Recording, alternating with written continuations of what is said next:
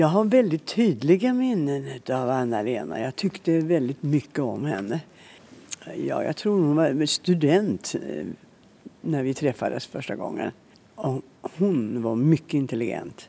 Mycket clever alltså. Sjöng underbart.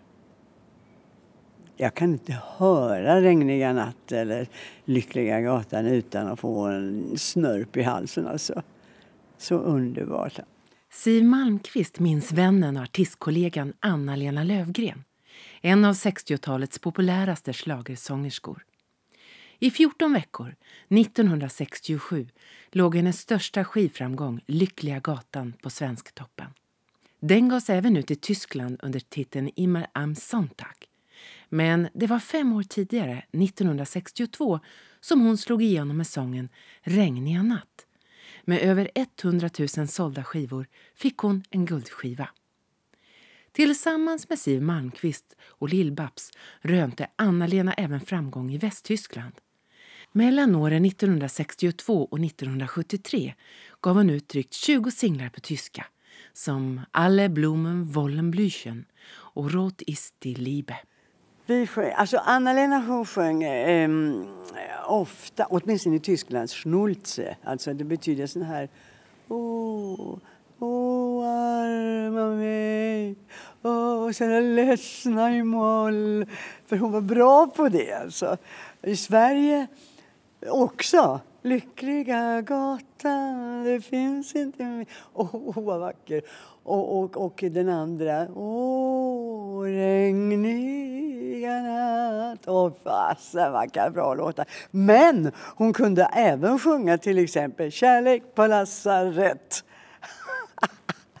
Jag undrar egentligen vad Anna-Lena gillade den låten. Jag tror hon tog den med en klackspark. Anna-Lena gjorde en tidig artistdebut. Redan som femåring deltog hon i radioprogrammet Barnens brevlåda där farbror Sven, Sven Jerring, höll i programmet. Där sjöng hon visan Godnatt små kamrater och tack för idag. Så småningom hamnade hon i radions flickkör. Det blev flera framträdanden och framgångar för den Enskedefödda. flickan. Hon deltog bland annat i Nalens Coca-Cola-parad 1960 i en sångtävling där hon stod som slutsegrare. Under en annan musiktävling lär de båda ägarna av skivbolaget Metronom, Anders Burman och Börje Ekstedt, suttit i publiken. De ville omgående skriva skivkontrakt med Anna-Lena. Så blev det och under en tid var hon vokalist i Leif Kronlunds orkester parallellt med att hon studerade. Ni tillhör ju samma skivbolag också, ja. Metronom. Mm. Jag kunde ju ingenting om den branschen överhuvudtaget. Eh, nej, det var jättebra och vi hade världens absolut bästa producent, Anders Burman. Han var en fena på att hitta hits. Bland annat tunna skivor för min del. Då sa jag nej, det låter ju som Frälsningsarmén. Nej, åh nej. Så, Bra, det blir en hit, sa han. Och det blev det. Och alla, nästan, jag kan inte säga men väldigt, väldigt många utav mina och hennes låtar blev hits. Han kunde det. Eh, jag hade inte kunnat hitta några egna låtar. Eh, han kunde ju hela branschen. Och han, eh, han var underbar när vi spelade in. Jag vet hur han satt och tummen upp ibland och tummen ner ibland. Så han var bra. Han var underbar.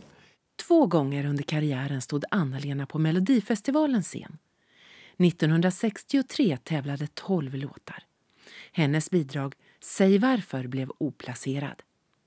1968 tävlade tio utvalda artister. Elva jurygrupper röstade och segern gick till Claes-Göran Hederström som sjöng Det börjar verka kärlek banne mig. Anna-Lenas Jag vill tro fick endast fem poäng och hamnade på en sjätte plats. Under åren hade hon flera bidrag med på Svensktoppen. Mellan 1962 och 1995 hade hon närmare 40 melodier på den populära listan. Lyckliga gatan låg 14 veckor på Svensktoppen. Försäljningen gav henne guld, diamant och platinaskiva. Och det gjorde den även i Norge. Siv återkommer till åren i Tyskland där de båda vännerna nådde stor popularitet. Hon var en superstjärna på tyska. Hon var den som kunde tyska av oss. Wow! Vi var så imponerade av henne. Så hon kunde översätta ofta. Mm, när vi, när, när vi ville säga någonting så kunde hon översätta det till tyska. Hon, var, hon hade ju polio från när hon var liten. Varje gång vi var med i en tv-sändning så kunde jag göra entré gåendes in. Hon skulle alltid sitta på plats. Och vi frågade också varför kan Anna-Lena sitta när vi andra kan gå in? Hon gick ju och haltade med sina käppar och sina... Och det ville de inte ha. Hon var så förbannad själv på detta. Hon tyckte att det var respektlöst och det gjorde vi också. Jag kunde bli så urförbannad på de som bestämde att hon skulle sitta från början. Men hur kommer det sig att ni var så populära i Tyskland, Västtyskland? Jag vet inte. Jag, jag har en känsla av att vi var så, eh, kan man kalla det, att det respektlösa, men vi var lite mer friare och vi var, var med, vi var inte så eh, stiffa, så stela så här. Så Men hur var, hur var Anna-Lena då? när jag ser henne framför mig nu, hon var, eh, nej, hon var ingen blyg viol alltså. Hon, var, eh, hon kunde säga ifrån, Anna-Lena. Polion hindrade inte Anna-Lena att göra det hon brann för. Under sin karriär gav hon ut ett femtontal album och turnerade runt i folkparkerna och på andra scener i Sverige. Siv har ett speciellt minne från 1963 då vännerna gick ihop i en trio. Snopporna. Anna-Lena och jag och Ann-Louise Hansson, ja just det. Eh, namnet Snopporna, alltså min son han säger eh, va?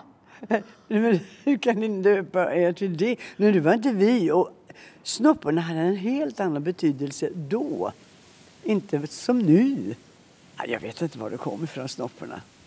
Nej, det är eh, ren eh, eh, eh, skivbildning, så att säga, bara för en skiva. Det, ja, det var Anders Burman som fick ihop oss och vi sjöng Ta hit spydde kagan, mor lovade mig.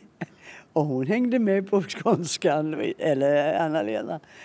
Eh, vad sjöng vi mer? Jo, Puff, den röda draken. Alltså, vi var inte ute på någon turné eller någonting. Utan det var bara en ren skivprodukt.